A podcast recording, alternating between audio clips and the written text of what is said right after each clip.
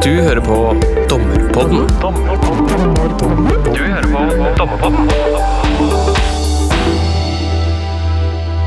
I desember i fjor foreslo regjeringen en rekke endringer i tvistloven, og målet med proposisjonen er, ifølge proposisjonen selv iallfall, å oppnå en mer effektiv rettspleie, mer aktiv saksstyring og større grad av proporsjonalitet i sivilprosessen.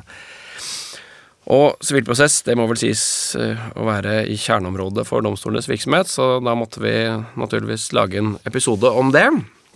Og da har vi vært så heldige å få Christian Reusch til å hjelpe oss. Han er partner i Simonsen Fugtvik, en av landets fremste prosedyreadvokater, vil jeg påstå. Eh, ikke bare fordi han var sjef for meg hos regjeringsadvokaten i et, et, et halvår eller så.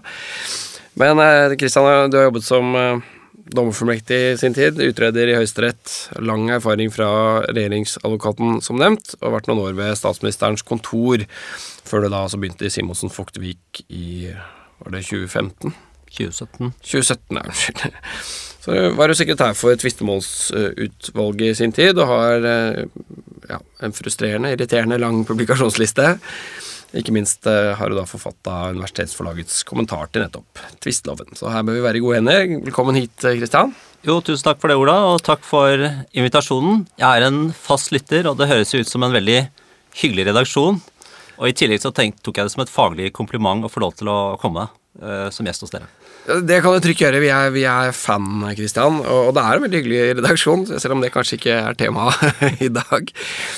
Um, du har jo, eh, som nevnt, eh, så for noen år siden gikk, gikk du fra, fra regjeringsadvokaten til, eh, til Simonsen Fuktvik. Og hva holder du på med der om dagen? Ja, Der holder jeg på med tvistesaker, for jeg leder vår avdeling for tvisteløsning. Og akkurat nå er det en ganske omfattende og prinsipiell sak som jeg holder på å forberede, som gjelder gruppesøksmål. Og det er sånn gruppesøksmål etter det utmeldingsalternativet opt-out og hvor spørsmålet er om, om uh, det kan gjennomføres med finansiering fra en tredjepart. da. For dette er en, uh, en gruppe kunder som har hatt sånn hjemmealarm, og så har alarmselskapene uh, de har ifølge Konkurransetilsynet da, overtrådt konkurransereglene i samarbeidet mellom seg, og så har en forening krevd erstatning til disse kundene. De utgjør ikke så store beløp for hver eh, enkelt kunde, men denne foreningen har ikke selv midler til å finansiere søksmålene, så man har da fått finansiering fra en tredjepart, og så er det spørsmål om, om den typen finansiering og kostnader det kan dekkes innenfor rammen av våre gruppesøksmålsregler. Spennende. Dette er sluppet inn i, i Høyesterettsdomstolen? Det skal behandles i Høyesterett nå i begynnelsen av uh, mai, så da får vi vel en, en avklaring forhåpentligvis da i løpet av uh, ja, midten-slutten av mai. Så spennende. Det er jo en litt sånn ny ting i, i norsk prosess, kanskje, med å investere i søksmål og sånn. Ja. det har jo vært snakket om noen år, men vi har jo til gode å se veldig mye av det. Så vi, det blir spennende å se om denne saken vil gjøre at det blir mer eller mindre, mindre av det. Da er vi iallfall glad for at du tok eh, litt tid til å snakke med oss, selv om du sikkert har noe annet å holde på med. Kristian, eh, vi skal snakke om eh, denne Prop 34 L 2223 som jeg nevnte at kom i desember i fjor, og, og, og, som da har ambisjoner om å gjøre oss mer effektive og, og fremoverlente og det hele. Um, kan du, kanskje kan du si litt hva, hva er eh, overskriftene her? Hva er, det, hva er, det, som er foreslått? Ja, For å ta veldig kort uh, hovedoverskriftene i uh, pressemelding fra departementet og omtalen av proposisjonen, så er det jo to ting. Det er eh, rettsmegling og ankesiling som er de to hovedtingene man har eh, funnet grunn til å trekke frem. Og det er jo eh, lovforslag om det som vi kommer tilbake til. Men det er jo mye annet som har vært tatt opp i denne prosessen, og annet viktig ved behandlingen av, av sivile saker som har vært vurdert i, i opp, opptakten til denne proposisjonen, og som drøftes i proposisjonen, som, eh, som eh, også er verdt å ta med seg, syns jeg. Og mye av det er jo, eh, handler jo om hvordan vi bruker verktøy egentlig som vi allerede har, syns jeg, langt på vei. Nettopp. Det, det vil du kanskje si litt også om liksom bakgrunnen for denne proppen? For det, det har vært en lang prosess, eller det er mange Ja da, det er helt riktig. Tvisteloven ble jo vedtatt for ganske lenge siden. Det er vel 2000 og, jeg husker ikke, 2005? Altså trådte den i kraft i 2009. Og så vedtok man at den skulle evalueres eh, innenfor en periode på tre år da loven trådte i kraft. Det er ikke så ofte man har hatt eh, den typen vedtak, men det fikk man i Stortinget. Og så kom det en evaluering av tvisteloven et par år etter utløpet av den treårsfristen, riktignok, da. Så vi har jo visst at her er det ting på gang når det gjelder eh, endringer, justeringer i tvisteloven. Hva fungerer bra, hva fungerer ikke så bra. Og så har det vært gjort noen, noen justeringer i loven underveis, men ikke så mye. Og så ble mye av dette spilt inn til uh, Domstolkommisjonen, som uh, hadde to ganske store utredninger om uh, domstolenes rolle i samfunnet og hvordan de fungerer, herunder også da hvordan mer spesifikt de behandler sivile saker. Så mye av det som kommer i proposisjonen nå, grunnlaget for det var en høring basert på den andre utredningen fra Domstolkommisjonen som kom for et par år siden.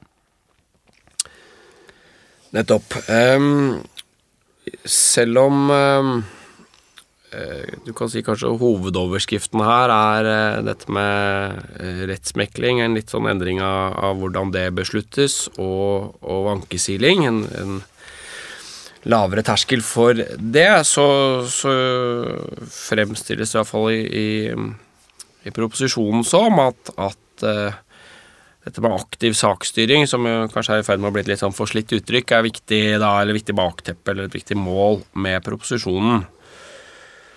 Og, der har jeg jo uh, Selv om det som sagt er, er et mye brukt ord, så, så eller så er det fortsatt et uttalt mål både hos lovgiver og i domstolen at vi skal bli bedre på det. Der eh, merket, meg, merket jeg meg mange som mener vi kan bli bedre. Jeg merket med Advokatforeningens høringssvar til proppen, hvor, hvor, de sa at aktiv saksstyring i domstolen er noe det snakkes og skrives mye om, men som dessverre bare skjer i begrenset grad. Det synes ikke å bli prioritert i tilstrekkelig grad i domstolene, så der fikk vi den fra advokathold. Men må, jeg tror hvis vi skal snakke om den proppen, så må vi snakke litt om aktiv saksstyring. Ja, la oss gjøre det. Um, så jeg vet ikke Vi skal begynne med kan vi begynne med begynnelsen, kanskje? Ja, la oss hvor, hvor du kom inn. Ja. Det er jo litt morsomt, kanskje. Ja. Fordi eh, aktiv saksstyring det var jo et viktig element med tvisteloven da vi fikk den til avløsning for den gamle tvistemålsloven. Og jeg husker eh, veldig godt oppstart av det lovarbeidet. For det var et sånt eh, flott nordisk seminar ute på Sem gjestegård i Asker, da, som Justisdepartementet sørget for å organisere, slik at vårt lovutvalg og så skulle få kontakt med å finne ut hva som rørte seg på svensk og finsk eh, og dansk side, og andre nordiske land hvor man holdt på med forskjellig sånn reformarbeid. Og så hadde man akkurat gjennomført en ganske stor reform i engelsk sivilprosess på slutten av 90-tallet. For de hadde det samme problemet som alle andre land. Sakene este ut, kostnadene økte, man måtte gjøre noe for å, å redusere det. Og da fikk vi invitert over til Oslo lord Wulf, som var sven, eh, eng, unnskyld, engelsk dommer, som hadde ledet det arbeidet. Og han var på sånn privat lunsj da, hos lederen av vårt lovutvalg, Tore Skei. Og i det siste han, han sa da, før, uh, før, han forlot Norge, da så han Tore Skei i øynene, og så sa han Remember, Tore, you have to use time to, to save more time later. Det var hovedbudskapet som ble prentet inn da fra starten av lovutvalgsarbeidet, og som for så vidt gjenfinnes hele veien, syns jeg, i det lovutvalgsarbeidet, og som vi ser også i loven. Og som vi har snakket masse om, men så er jo problemet hvordan blir dette når vi kommer til den praktiske hverdagen? Klarer vi å prioritere det? Får vi satt av nok tid til å forberede oss uh, sånn som vi skal underveis i saksforberedelsen? For å ta advokatene først, da, som jo jeg er en representant for er kanskje greit hvis du er, representerer saksøkeren, så har du ganske god kontroll på når du er klar for å sende saken til retten, hvis ikke du må overholde en eller annen frist, da, en søksmålsfrist eller en foreldelsesfrist. Som saksøkt, advokat for saksøkt, så kan du jo fort komme litt bakpå, da, hvis det er en, en eh, omfattende sak og du ikke har vært inne i den fra før av, så kan det bli litt knapt det derre med liksom være up to speed fullt ut og, og ligge på forskudd med, med, bevis og argumenter og sånt nå innenfor tilsvarsfristen, og kanskje også planmøte. Og det samme har man vel på dommersiden, vil jeg tro, uten at jeg er veldig detaljert inn i dommernes arbeidshverdag, men det er vel eh, ganske sånn begrenset hvor mye tid man egentlig har. Det er jo ganske strengt styrt tidsbruk, da. Man skal ha noen saker i retten, man har en avgrenset tid til å skrive avgjørelser. Og i tillegg skal man forberede saker i parallell. Ja, det, det er helt sikkert eh, riktig, eller det, det, stemmer med hvordan jeg opplever i hvert fall dommerhverdagen. Eh, men jeg har inntrykk av at i tillegg til at det handler om måte, hvor mye tid man har, så er det også litt sånn kulturting. Altså hva slags innstilling man, eller hva slags tilnærming dommerne og advokatene har til dette, og hva slags, hvordan de ser for seg at prosessen skal være. Um, jeg vil jo tenke at det er mye å hente der også. Altså ja. ikke bare ressursallokering, men uh, Nei da, jeg er, helt, jeg er helt enig i det. Det handler jo om at vi har vent oss til at ting gjøres på én måte, og så er det krevende Liksom, hvis du har et sånt uh, tankskip som sier fremover, så er det krevende å endre kursen på det. Det har vært snakk om en kulturendring fra tvisteloven trådte i kraft, og det er nok et litt pågående prosjekt fortsatt, tenker jeg, på en del av disse elementene. Ja, og hvordan, uh, hvordan har lord Wolfs uh, bevingede ord slått inn i praksis, Stø? Ja, det er det er jo en, en formaning som uh, vi er uh, klar over, og som jeg tror de de fleste, hvis du snakker med advokater og dommere, så, så vil vi mene at det er en fordel om vi klarer å være mer fortunge i forberedelsen av sakene. Vi slipper at eh, det blir så mye som kommer på slutten.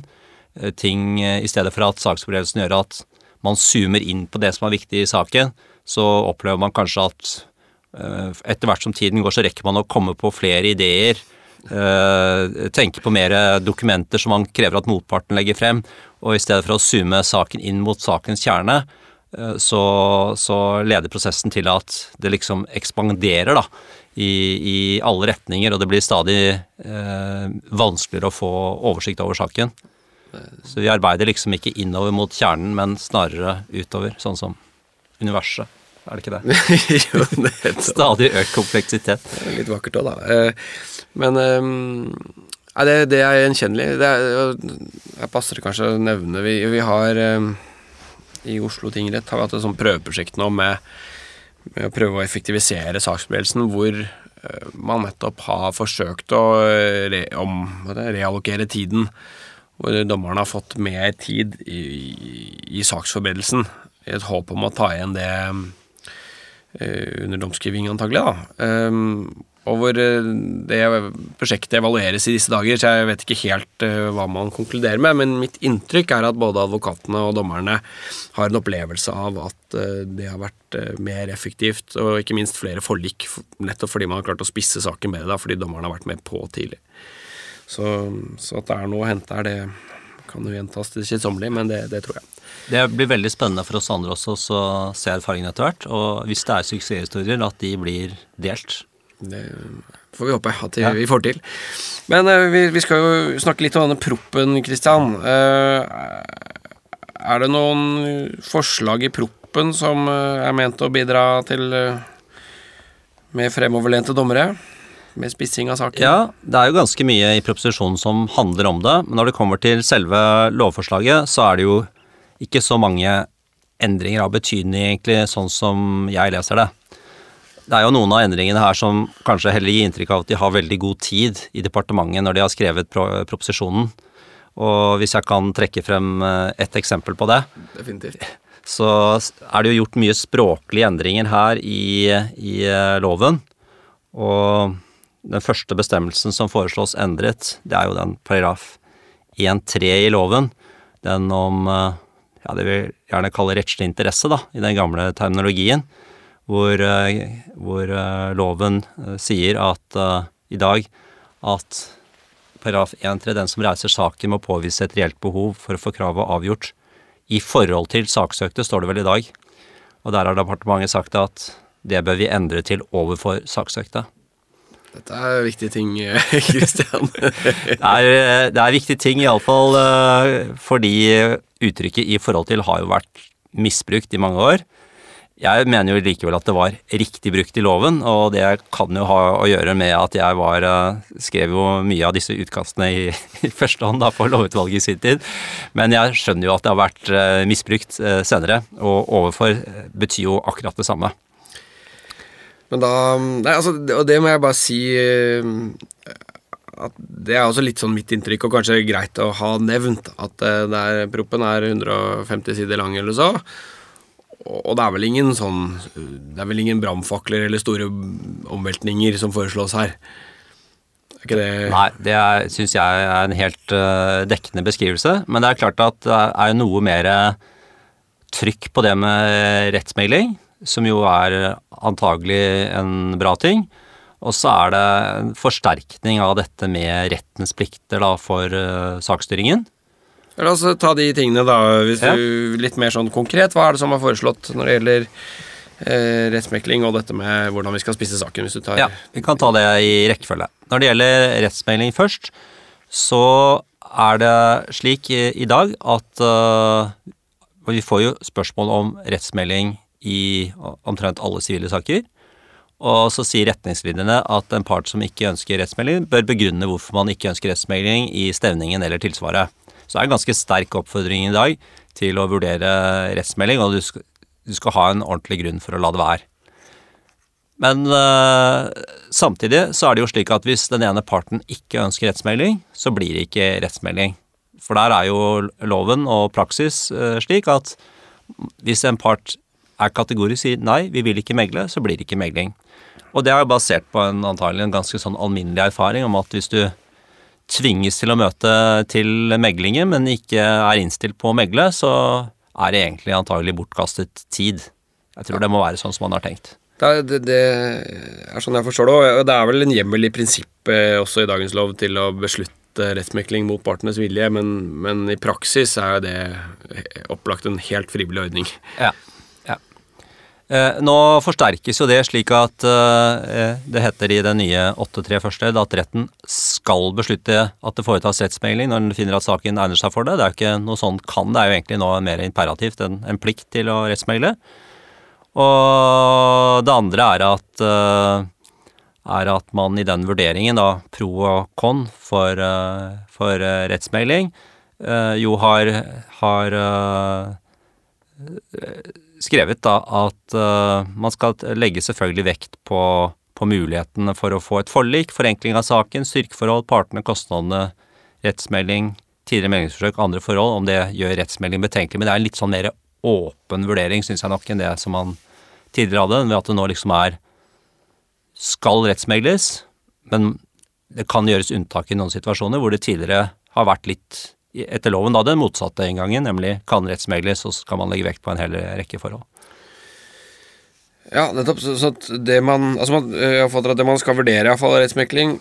Og så kan man, eh, i motsetning til nå gjeldende lov, kan man eh, beslutte rettsmekling mot partenes ønske selv om det ikke foreligger særlige grunner, eller hva det er det står. Og det eh, er jo i hvert fall prinsipielt en, en, litt sånn interessant endring.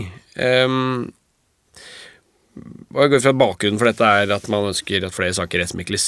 Um, jeg gjetter på at man har tenkt at her er det Er ikke advokatene gode nok til å rådgi klientene om egentlig når de bør uh, mene at rettsmelding er en god ting eller ikke?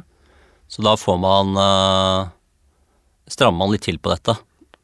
Fordi jeg, jeg syns jo at uh, advokater i de fleste saker må jo ha en litt sånn nøktern vurdering av dette med, med, rettsmelding. I de fleste saker så er det bra. Noen få saker så det jo, har det jo kunnet for seg.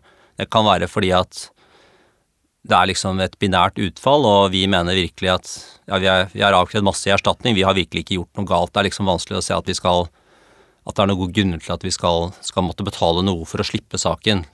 Sånne utpressingssaker, da. Det finnes jo noen sånne, få sånne saker. Og så finnes det kanskje noen prinsippsaker, men de, de, fleste saker som ender i retten, så er det jo fordi at partene med en viss sånn berettigelse ser litt ulikt på dette. ikke sant? Man har litt grader av, av svin på skogen på begge sider. Det er derfor det ender i retten.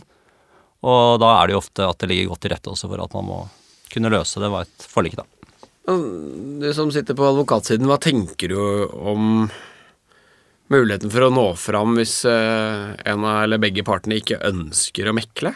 Altså, er det uh, Vil det i praksis ha noe for seg å tvinge folk til, eller partene til for forhandlingsbordet?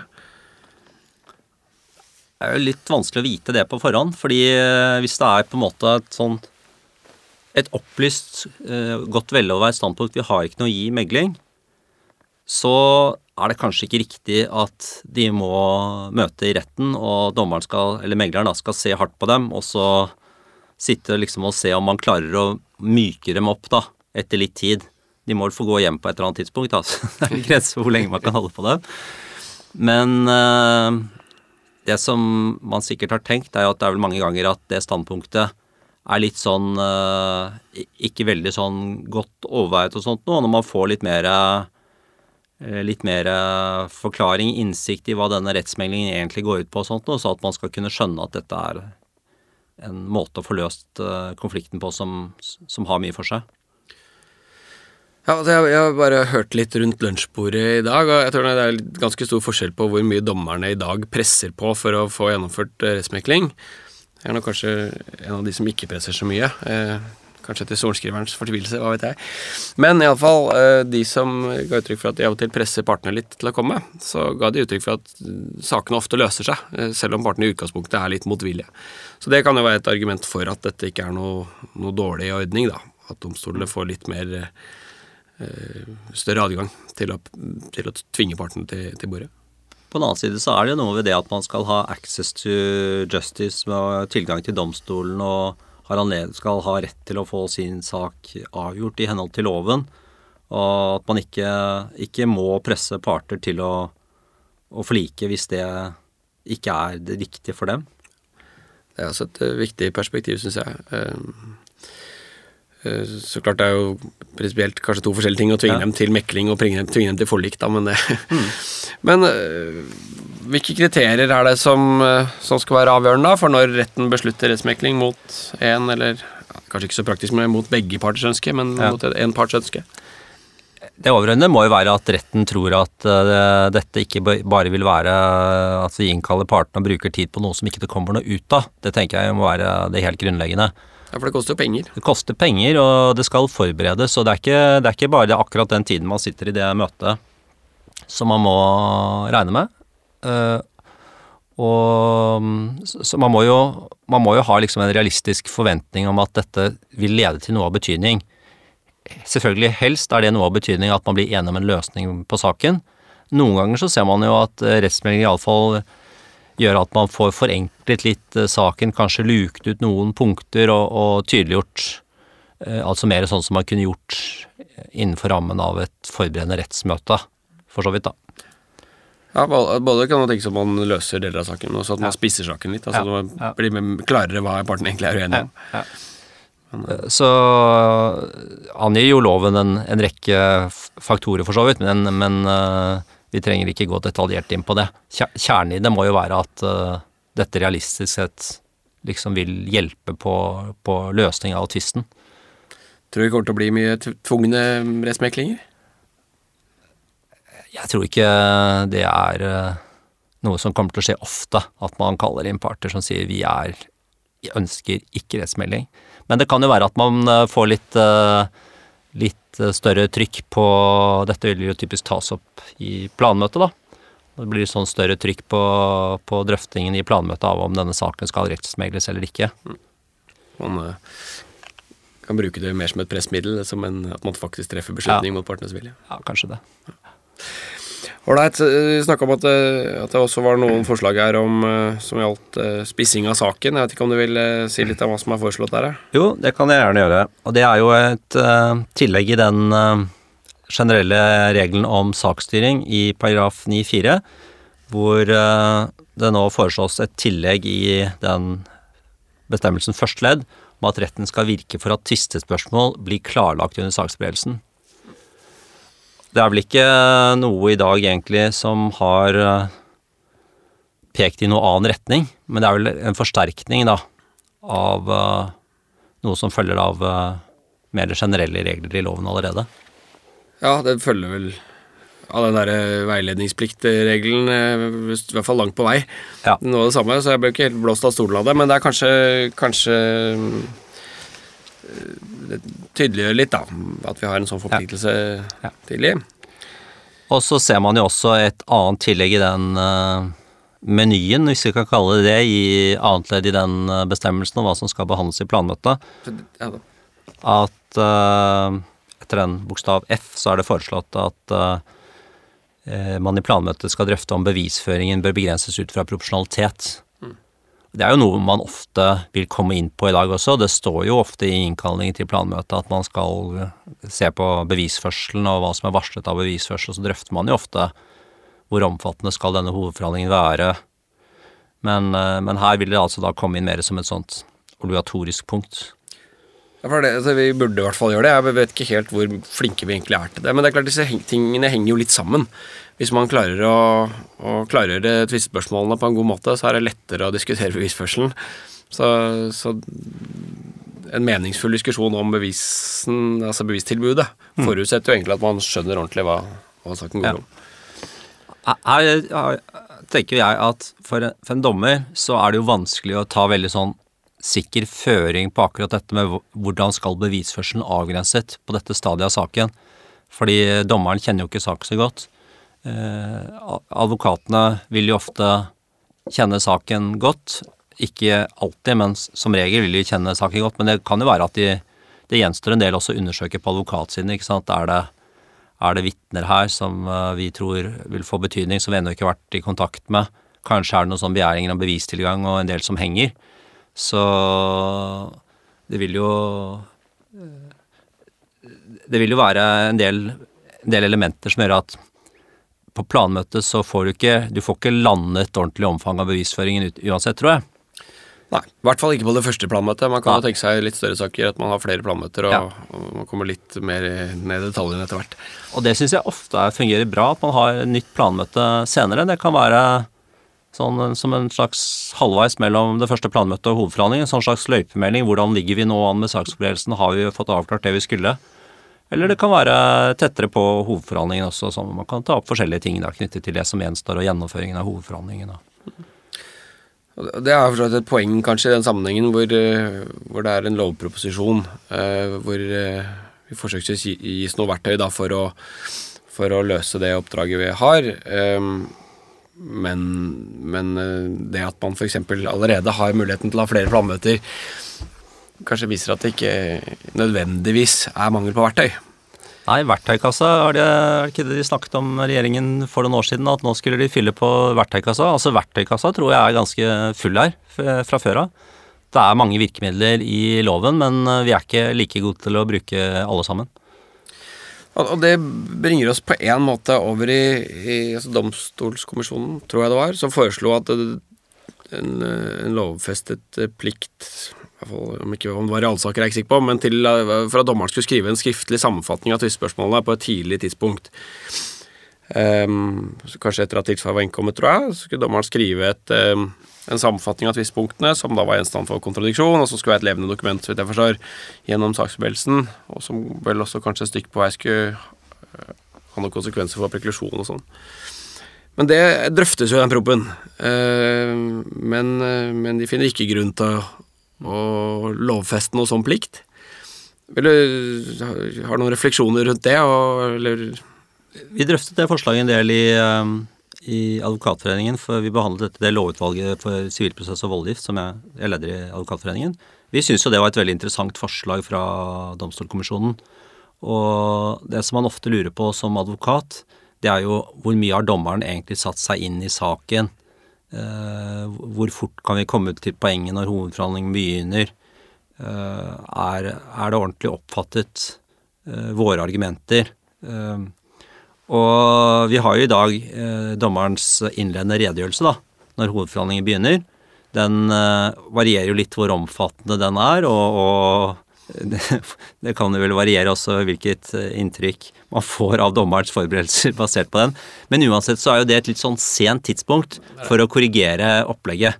Så eh, fra, fra advokatsiden da, så tenkte vi at dette ville være bra og tydelig å vise ordentlig også for partene. da, Hvor er det eh, hvor langt har liksom retten kommet i å forstå ordentlig hva denne saken går ut på, og så kunne vi tilpasse vårt videre arbeid og opplegg til det. Men eh, det ville departementet da ikke ha som noen plikt for dommerne. Nei, jeg syns også det, forstår, det er en god idé både fordi jeg tenker altså både, både, av de grunner du peker på, men også fordi det er en litt sånn oppdragende funksjon. Altså, jeg er litt lat, jeg. Så, så, hvis jeg ikke må, så uh, gjør jeg ikke det. Uh, men jeg tenker at hvis jeg hadde måttet det, vel, det ville tvunget oss da, til å sette oss ganske godt inn i saken veldig tidlig. Uh, men jeg oppfatter jo departementet dit hen at bakgrunnen for at de ikke vil gjøre noen endring her, er at dette kan man gjøre etter dagens ordning. Det er, da man kan med dagens tvistelov lage en sammenfatning. Og, mm. og, at det, kan være hensiktsmessig i noen saker, men at de, de, ikke vil ha noe plikt som er helt generell. Som vel igjen viser, viser, dette med at det er kanskje ikke verktøykassa som er problemet, men heller hvordan vi bruker de verktøyene vi har. Det er mulig det virker litt på samme måte som når en advokat får en frist. Sånn, det betyr jo at man ikke gjør noe liksom før fristen er i ferd med å utløpe. Fristen er første tidspunkt man faktisk kan gjøre den oppgaven. Nettopp. så hvis ikke det står i loven at man må gjøre det, så betyr det ofte at da Ikke at ikke det er forbudt, men at da gjør vi det ikke. Nettopp. Ja. Det, det, er nok, det, er nok, en, det er noe psykologi, psykologi her, tror jeg. Ja. Eh, noen andre endringsforslag som gjelder saksforberedelsen du vil trekke fram, Kristian? Eh, det er jo en liten teknisk eh, justering når det gjelder dette med frist for avslutning av saksforberedelsen og sluttinnlegg, slik at loven da endres i samsvar med det som er ganske utbredt praksis, nemlig at man avslutter saksforberedelsen litt før eh, fristen for sluttinnlegg. Det bestemmes jo i mange saker allerede, men, men da blir det normalregelen i loven. Nettopp. Um ja, så var det liten også sånn litt sånn teknisk justering for tidspunkt for planmøte, hvor de tydeliggjør at man kan ha rettsmekling før planmøte hvis man mener det er hensiktsmessig. Noe som vel også, i hvert fall der jeg jobber, gjøres ganske rutinemessig, egentlig. Mm. Ja. Så alt dette er jo ting som man kan gjøre i dag, og som, eh, som loven, eh, lovforslaget da sier at man skal gjøre, eller litt tydelig, tydeliggjør da, at man, det kan godt gjøres på denne måten, eller endres. Har du noen tanker, da, som erfaren eh, prosedyreadvokat, på hva vi kan gjøre i den saksbevegelsen for å um, bli bedre? Eller jeg kan spørre ja. helt konkret, Kristian. Hvis mm. eh, Altså, I forlengelsen av dette prøveprosjektet vi har hatt eh, der hvor jeg jobber, om å effektivisere, effektivisere saksforberedelsen, så har det vært snakk om om man skal ha et nytt prøveprosjekt med normering av rettsdager for hovedforhandling. Altså noen sakstyper jeg, jeg, tror det det har vært snakk om, er uh, utlendingssaker, avvenningslovssaker og ja, Nå husker jeg ikke arbeidsrettssaker, tror jeg. Eh, at man skal finne en eller annen sånn Et utgangspunkt, så, så, bruker vi x antall dager eller timer i retten på hovedforhandling. Og det er altså tema for et sånt aktørmøte som vi skal ha i april. Eh, for å få noen tilbakemelding på om det er en god idé eller ikke. Men, men eh, er det et grep som eh, du tenker kan være nyttig? Jeg syns det er en veldig spennende, spennende tilnærming, egentlig. Fordi når man snakker om proporsjonalitet og avgrensning av bevisførselen og alle de tingene, så er det vanskelig å gi spesifikke føringer. Si nei, dette er ikke relevant, eller dette punktet her har du dette, her er det andre bevisene viktigere, så dette får du ikke ta med og sånn. Det er vanskelig for retten å si til advokatene. Og det er vanskelig for advokatene også å si til, eh, til klienten noen ganger ikke sant, at nå må vi, eh, må vi begrense oss, fordi vi kan selvfølgelig si at det er sånn vi får best gjennomslag. Men klientene vil ofte være opptatt av men pass, husk på det også og det og det, selv om man tenker at det ikke betyr så mye for å vinne saken. Men hvis du har en eh, tidsramme for hovedforhandlingen, så innebærer jo det en sånn ganske sterk begrensning som du må tilpasse deg som advokat. Så jeg tenker at det er en ganske sånn effektiv måte å styre omfanget av advokatarbeidet i saken på. Mm. Og det syns jeg er viktig at uh, når man kommer over på den diskusjonen om kostnadene, som jo også er en viktig diskusjon, som er fremme i proposisjonen her og i mange andre sammenhenger også, så må det, eh, sånn som det tradisjonelt har vært hos oss i Norge, så skal det jo, hvis du vinner saken, holdes skadesløs, og at du får dekket det som er de nødvendige kostnadene. Og Da må vi prøve å legge opp behandlingen sånn at ikke vi får veldig sånn gap mellom de kostnadene som dommerne synes anser som nødvendige, som parten blir tilkjent, og det som er en vanlig reell kostnad for en part. Vi ønsker jo at det skal være mest mulig samsvar mellom det, og at du da begrenser egentlig arbeid og kostnadspådraget på, på, saken, sånn at ikke det blir for mye. At ikke det blir liksom en stor sånn post som, som ender opp som noen må betale et eller annet sted. Og Da er, tro, har jeg tro på det at man liksom må tvinge det inn i mer, en mer begrenset uh, muntlig format. For muntlig behandling er jo den mest kostnadspådragende. ikke sant? Da sitter begge advokatene, eller kanskje flere advokater på hver side, der partene sitter, og alle bruker masse tid i parallell, og dommeren og Så hvis eh, man klarer å redusere det, og si at du går fra tre dager til to dager, da, så sparer du jo den tiden advokaten er i retten, eller advokaten er i retten og dommeren er i retten den tredje dagen, og du sparer det advokatene skal forberede til den tredje dagen. ikke sant? Det er ganske store, store sånn multiplikatorer, egentlig, da, for hver dag du forlenger en sak med kostnadspådrag. Spennende. Vi får se om det, det blir noe eh, hos oss, men eh, det er iallfall en morsom tanke. Så vil man jo alltid mene at dette passer ikke i min sak, for jeg har så mye gode, viktige argumenter og bevis som jeg trenger mer tid til å presentere enn det som er mulig innenfor denne normerte rammen på ja, to dager i en eller annen sakstype, da. Det, det, minner meg om jeg uh, har en slags kjepphest hvor jeg prøver å få mer skriftlighet inn i de sivile sakene mine, og tar opp det i tide og utide, nær sagt, i alle planmøtene. Hvor, jeg, hvor, min erfaring nettopp er at når jeg spør om vi ikke skal ha noe skriftlig forklaring eller skriftlig innlegg, så sier advokaten at det er en kjempegod idé, men ikke i denne saken. Uh, men uh, jeg vet ikke om du har noen synspunkter på det, om vi kunne ha økt skriftligheten i, i tvistesaksbehandlingen i norske domstoler? Jeg er egentlig en fan av at vi skulle prøve det mer også. Fordi hvis vi sammenligner med f.eks. nære naboland som Danmark, så ser vi jo at vi bruker en del mer tid på muntlige hovedforhandlinger enn det de gjør, fordi at vi er ikke gode nok til å konsentrere den muntlige behandlinga om det som er skikkelig viktig og omtvistet. Og en måte å bli flinkere til det i den muntlige behandlingen, er jo at vi kan på en måte utkvittere en del ting kanskje skriftlig, da. Mm. Drøfte, begrunne, forklare.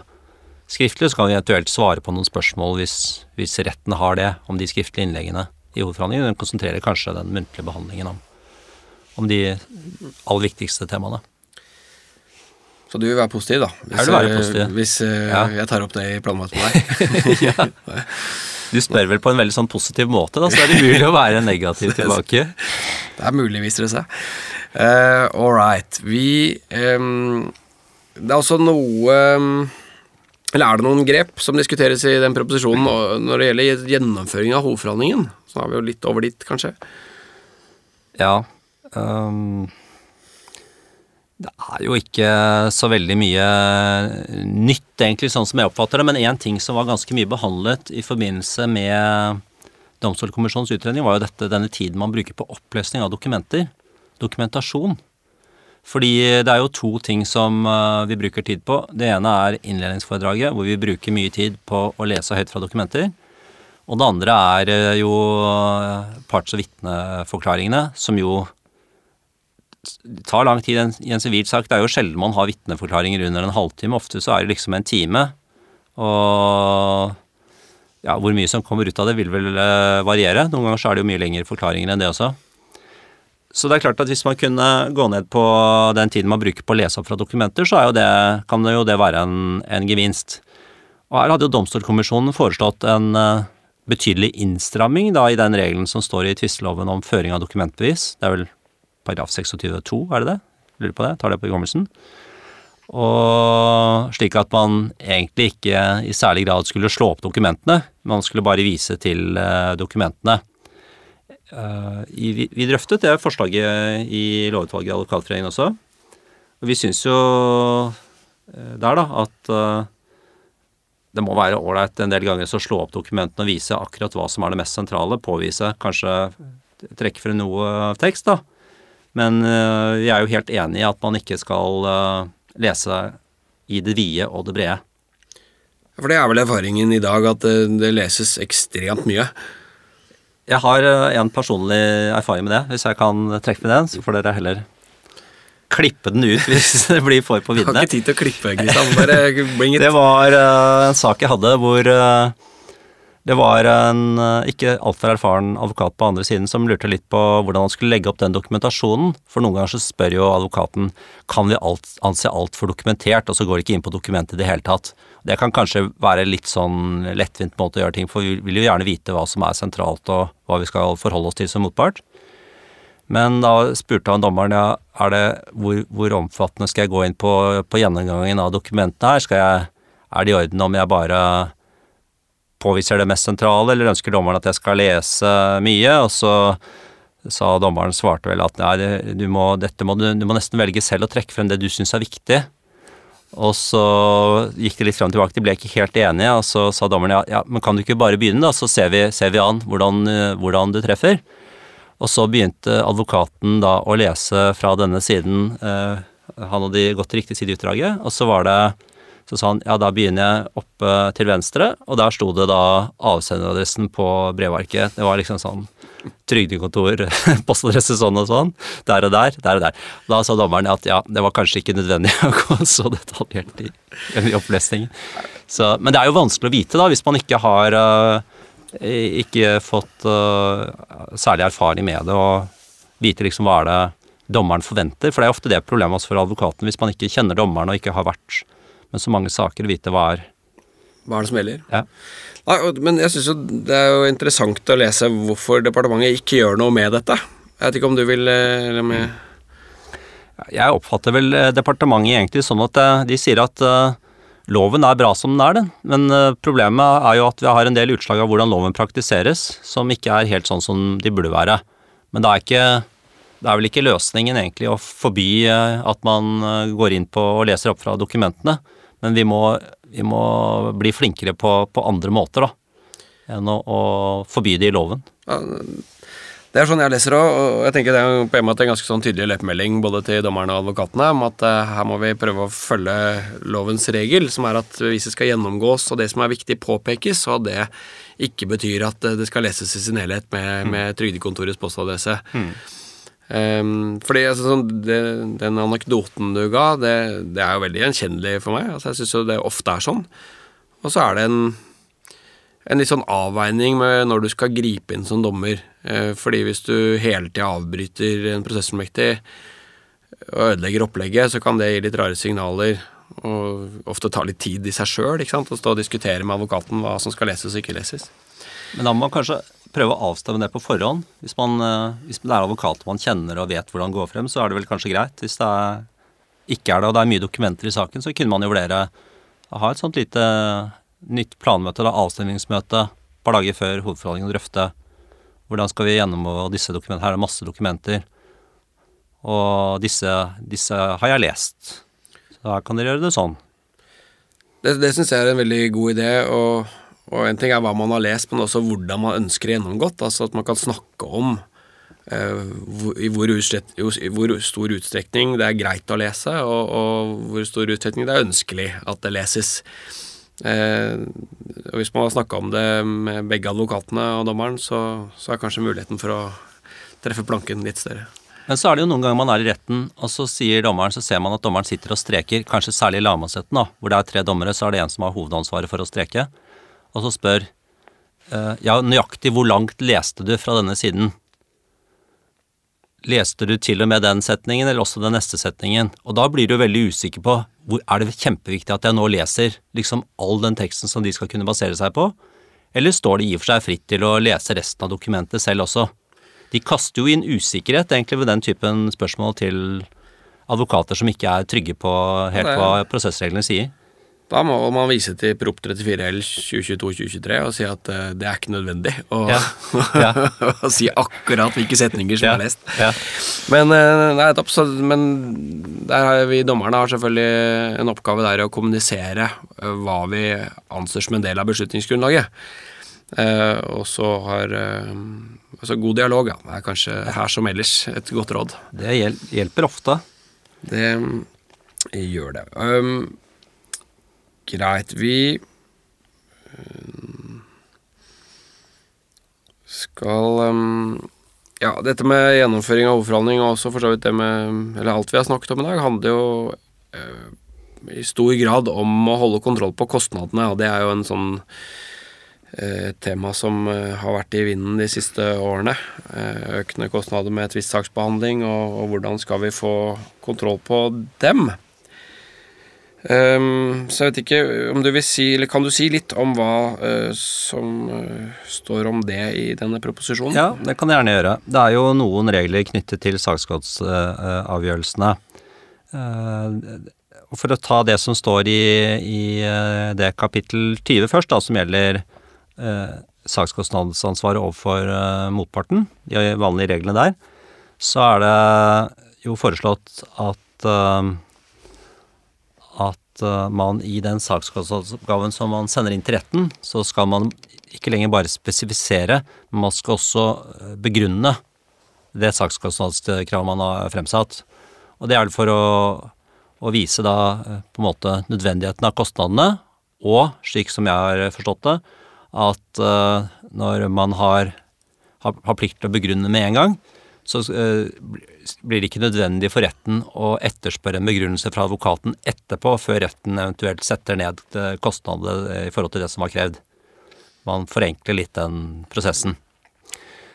Så, så er jo loven eh, ikke veldig sånn presis på nøyaktig hva som kreves av en sånn begrunnelse, og det vil jo, som det står vel i merknadene her, avhenge litt av forholdene hvor mye man trenger å begrunne eh, kostnadspådraget. Litt avhengig av hva det er og, og hvor innlysende og selvforklarende det er.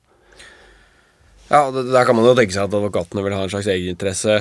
Jeg fatter jo også at er bestemmelsen om at, man, at domstolen må varsle eh, hvis det skal nedsettes eh, uten at motparten har hatt innsigelser til, til, til, kravet, den fjernes. sånn at det, da vil jo advokatene ha en egeninteresse i å gi en skikkelig begrunnelse, da. I hvert fall hvis man inngir et sakskostnadskrav av noe størrelse. Ja. Fordi man risikerer da ellers at krav blir nedsatt. Ja, det er riktig det. Basert på den litt dårlige standardbegrunnelsen ja. du hadde tatt inn. det er sant, det. Så. Men så er det kanskje også den andre regelen som vi burde trekke frem, som gjelder mellom uh, parten og egen advokat. For der har man jo uh, det regulert i paragraf 3-8 i det kapitlet som gjelder prosessfullmekter. Der har uh, departementet foreslått en ny bestemmelse i 3.8 tredje ledd om at dersom en parts krav på sakskostnader etter kapittel 20 klart overstiger det som synes å være nødvendig i saken, skal retten i avgjørelsen gjøre parten oppmerksom på adgang til å be om at retten fastsetter prosessmektigens godtgjøring. Det er jo en adgang retten har i dag, men her blir det da gjort om til egentlig en plikt da, om å varsle mm. eh, parten om denne muligheten for å få regningen redusert. Det er jo spennende å se hva som kommer ut av det. Altså, det er jo en litt annen vurdering. Altså hvor mye klienten skal betale sin egen advokat, og hvor mye motparten skal erstatte hvis motparten taper.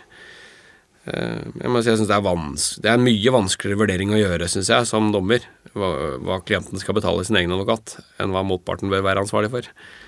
Det vil jo ofte ha veldig dårlig grunnlag for å vurdere mye av det som er gjort. Det er det. Og, og der kan det jo være så mange ting ja. eh, som spiller inn på, ja. på kostnadene. Men, men, der har vi iallfall fått en plikt, da, ja. hvis sakskostnadskravet klart overstiger det som er nødvendig. Det som vi drøftet i Advokatforeningens lovutvalg, det var Vil dette få noe sånn betydning for for på en måte villigheten til å ta, ta saker da, hvor det, som er litt sånn utenom det vanlige arbeidskrevende for klienter som har spesielle grunner liksom til det. Hvis du da som advokat uh, er litt sånn mer eksponert for at uh, det, dette kan bli betydelig gratisarbeid. Ja, det, er i så fall uh, bidrar ikke til access to kort. Men dette, får vi, dette gjenstår å se hvordan det vil spille seg ut, tenker jeg. Hva tror du dette vil få stor betydning i praksis? Altså dette med ja, At det nå gjøres til, til en sånn plikt? Ja. Mitt inntrykk er at det, før så var det nesten aldri at retten gjør oppmerksom på det der, men nå ser man det liksom i sånne dommer fra, fra tid til annen. Uh, så jeg ville kanskje tenkt at uh, at uh, det er jo en ganske høy terskel. Det skal klart overstige så at ikke det blir så veldig dramatisk forskjellig.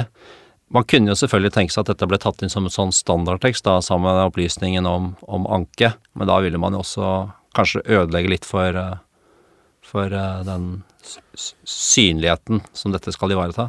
Mm.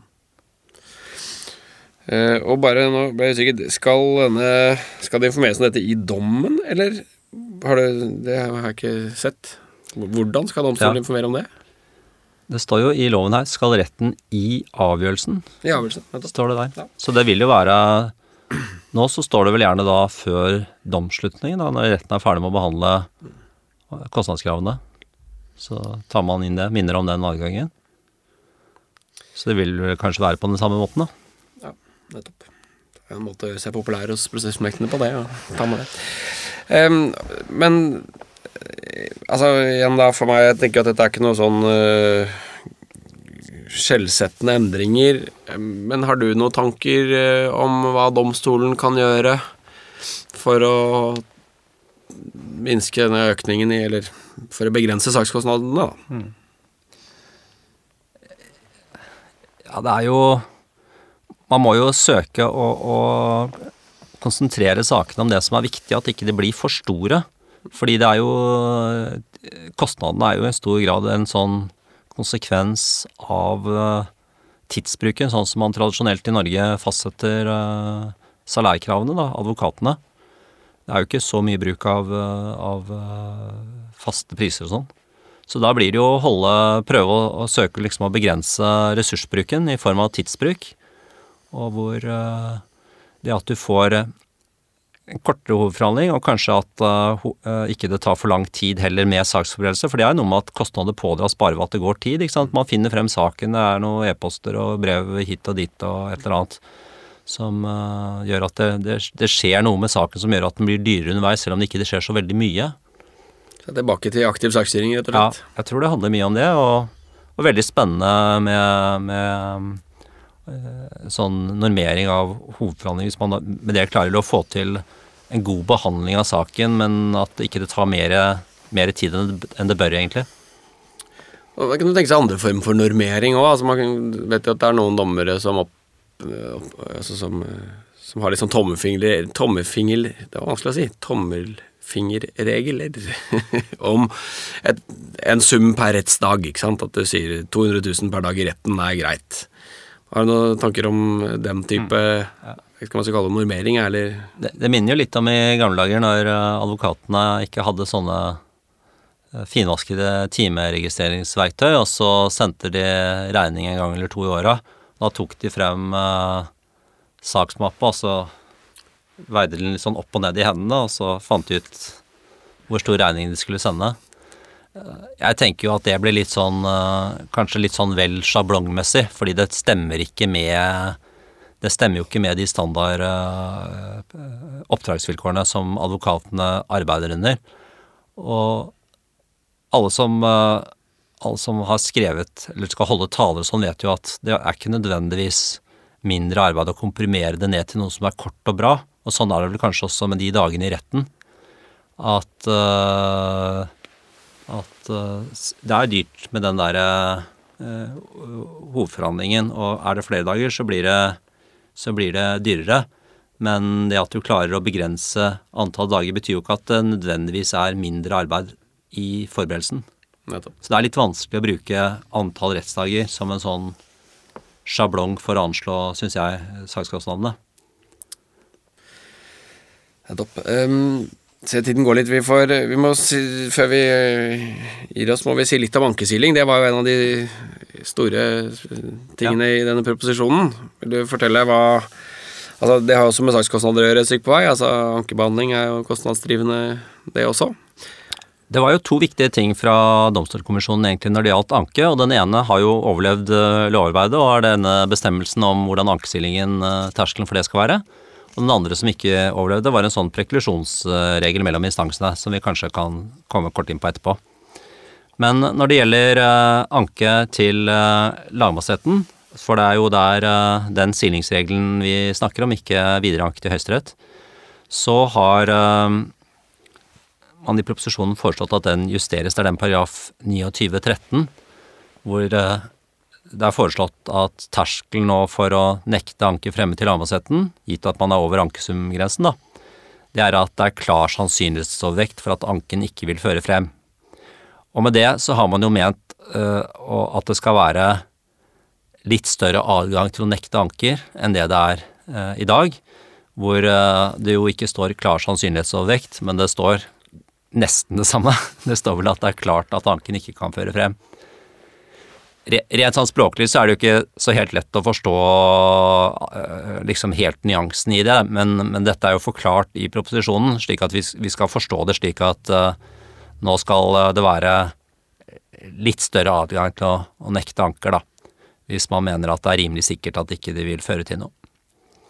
Det som vi har vært opptatt av uh, fra advokathold, er jo at uh, det er viktig med overprøvingsmulighet uh, i sakene, og i, i alle fall så syns vi at uh, hvis man har uh, saker da med parts- og vitneforklaringer av et visst omfang og betydning, så er det så er det ikke så lett å se for seg at man har et godt grunnlag for å nekte den typen saker, uten at du i alle fall har lydopptak, da, som jo fortsatt henger. ikke sant? Det har jo tvisteloven hatt som hovedregel at man skulle ha av forklaringene i disse årene loven har gjeldt, men det er fortsatt ikke på plass. Det syns vi er litt eh, Nesten litt sånn pinlig at ikke man har klart å få til. Ikke vanskelig å være enig i det. Uh, uten at jeg tar noe ansvar for det, den mangelen. Um, men, men, bare for å Altså, det som gjøres her Vilkårene for aksjesilling endres sånn at terskelen er lavere, men det er Og det er, så er gøy, det I et elerett så står det at du, vilkåret skal tolkes strengt i forarbeidene, mens nå står det at det skal tolkes relativt strengt.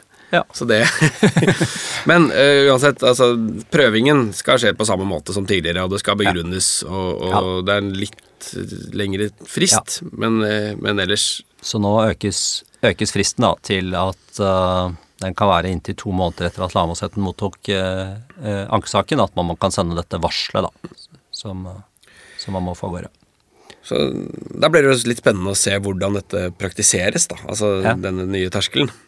Det blir eh, spennende å se hva det betyr. Man kan, vil jo antagelig kunne lese ut av statistikken da, om, om eh, det blir eh, Om denne nektingen øker noe særlig man har jo vært opptatt av lenge at den skal jo ikke brukes, denne nektingsinnsalgen skal jo ikke brukes for å saldere på en måte saksmengden i lagmannsretten for å få ned restansene. Det er jo ikke sånn den skal brukes.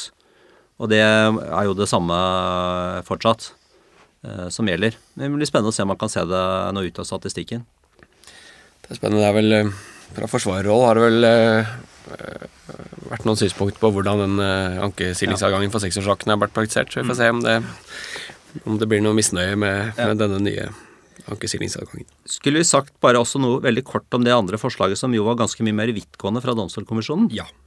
For de hadde jo foreslått at uh, det skulle være en sånn regel om preklusjon fra tingretten til lagmannsretten. Med andre ord at du skulle ikke, det skulle ikke være fritt frem for å komme med alt mulig nyttig i forbindelse med en anke til lagmannsretten rammene for saken skulle egentlig da i hovedsak være lagt gjennom opplegget i tingretten. Og det var jo eh, hva skal jeg si, et, et, relativt sånn spenstig forslag. For det, vi har jo ikke hatt noe sånn lignende på bordet i, eh, på lang tid. Jeg tror hvis du går tilbake før tvistemålsloven, og da er du jo tilbake ganske lenge, så, så, hadde man vel noe som het eventualmaksimen som gjaldt. slik at da måtte du veldig tidlig komme med det du hadde på hjertet. Det er derfor vi begynte å skrive det der med forbehold om senere anførsler og bevis. Det hadde visst en tilknytning til den eventualmaksimen. Men så har jo den formuleringen overlevd lenge etter at eh, lovgivningen ble endret. Så det er bare gjennom å skrive av gamle maler at ja, den har overlevd. Det er jo et morsomt eksempel på forhold mellom kultur og, og lovgivning. Ja. Kjempegøy. Ja. Men, men, dette var et sånn slags skritt uh, tilbake i, i, retning av at man strammer inn adgang til å, å trekke inn nye elementer etter hvert. Og det er jo selvfølgelig Det har jo det ved seg at uh, det vil jo hjelpe til at behandling i lagmannsretten ikke ble mer omfattende enn i tingrett. For det har man jo sett i undersøkelser har vist det at lagmannsrettene til dels bruker flere rettsdager enn tingrettene. Og Det er ikke bare fordi at de har kortere rettsdager, men det er også fordi at en del saker vokser. Og det burde jo ikke være meningen. De burde jo konsentreres om det som da fremstår som de sentrale punktene. Men det var en del andre innvendinger eh, mot, mot et sånt forslag. Én ting var jo hva ville det bety for behandlingen i tingretten. Ville det bety at den este ut, da, fordi man måtte sørge for å kaste inn alt mulig som man kanskje skulle ha, ha med seg senere. Og det ville også sikkert bli mye press på de reglene som skulle gjelde adgang til å, å likevel trekke inn noe av forskjellige grunner. Så iallfall, departementet valgte da ikke å gå videre med, med den regelen. Nettopp. Ålreit. Um, vi er kanskje gjennom uh, det viktigste endringsforslagene her. Hvis vi skal oppsummere, det gjorde du vel egentlig innledningsvis, så er det vel kanskje dette med ankesidling som kan ha eller vi får se hvor stor materiell betydning det får. Ja. Det er jo og, en reell endring i lovens regel. Nettopp. Og, og, og, da dette med rettsspekling, at det nå i større utstrekning skal kunne besluttes mot en eller begge parters vilje. Eller så er det vel mer sånn presiseringer og og ja. språklige ting. Ja. Vi kan kanskje lese noen slags oppfordringer da, inn i disse drøftingene om at vi skal være flinke til å holde oss til det viktige, konsentrere oss om det. Uh, skal ha en god og aktiv saksstyring, alle disse elementene. Ikke lese alle ordene. Alle, alle ordene. Nei. Nei. Det gleder jeg meg til. Um, ok, før vi gir oss Den proposisjonen er samt kom i desember. Vet du hva status er på den nå, eller? Ja, Så vidt jeg kunne se på Stortingets eh, nettside, så er denne nå til behandling i justiskomiteen, og de har frist til eh, litt før påske med å avgi sin innstilling. Og dette ville jeg tenkt at ikke var veldig kontroversielt. Eh, selvfølgelig litt farlig å si det, men jeg vil jo gjette på at det meste her i proposisjonen får tilslutning i justiskomiteen, og at vi da får dette opp som som lovforslag som Stortinget stemmer over da eh, ikke så lenge etter påske. Og da kanskje kan det tre i kraft allerede til sommeren. Nettopp. Så da kanskje vi får dette lovvedtaket omtrent når vi publiserer denne episoden, fordi det er jo litt fram i tid. Men det var fint. Um, noe annet du syns vi må innom før vi gir oss, Kristian? Det var et veldig vanskelig spørsmål. Det er utrolig mye interessant vi kunne snakket om, syns jeg, innenfor eh, denne materien. Men kanskje heller det kunne være et tema for en, eh, en annen episode. Du kan jo komme tilbake. disse tingene virker. Det hadde vært kjempehyggelig. Ja, det, du er hjertelig velkommen, Kristian. Um, men da, da, for denne gang, da, får jeg si, setter vi strek, som det heter, og takker deg for at du tok deg tid eh, til å komme og snakke med oss. Um, og da gjenstår vel bare å si at jeg heter eh, Ola Berg Lande, som lager Dompodden sammen med Ragnar Lindefjell og Mikkel Østhagen Hamar. Gjøres. Du har hørt på Dommepodden. Dommepodden er en podkast fra Norges domstoler og er først og fremst ment som et kompetansetiltak for dommere. Hvis du har ris, ros, forslag til temaer eller folk vi kan prate med, så er vi glad for å høre fra deg, og da kan vi nås på podkast at domstol.no. Ha en god dømmende hverdag så lenge. Vi høres.